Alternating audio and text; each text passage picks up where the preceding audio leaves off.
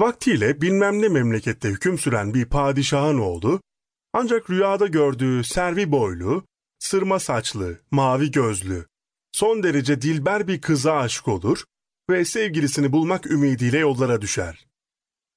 Bütün aşk masallarında olduğu gibi başına bir sürü felaketler gelecektir. Pek tabii, değil mi? Aşk demek imtihan demektir. Ancak serden geçip yerden geçmeyen muradına nail olur.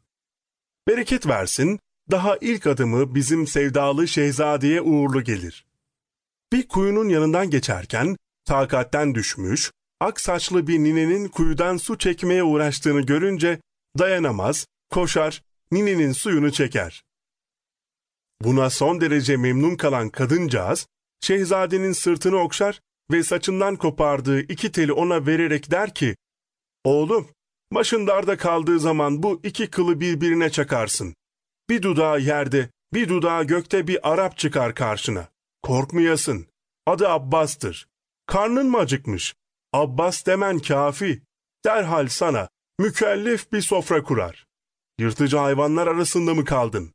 Abbas'tan başka kimse kurtaramaz seni. Uykusuz gecelerde yarın hicranı ile mi yanıyorsun? Abbas ne güne duruyor? Sevgilini ne kadar uzakta olursa olsun, alıp getirir, seni şad eder. Bu iki kılı iyi muhafaza et oğlum. Onlar sayesinde selamete çıkacaksın. Ve şehzademiz, ninenin elini öperek yoluna devam eder.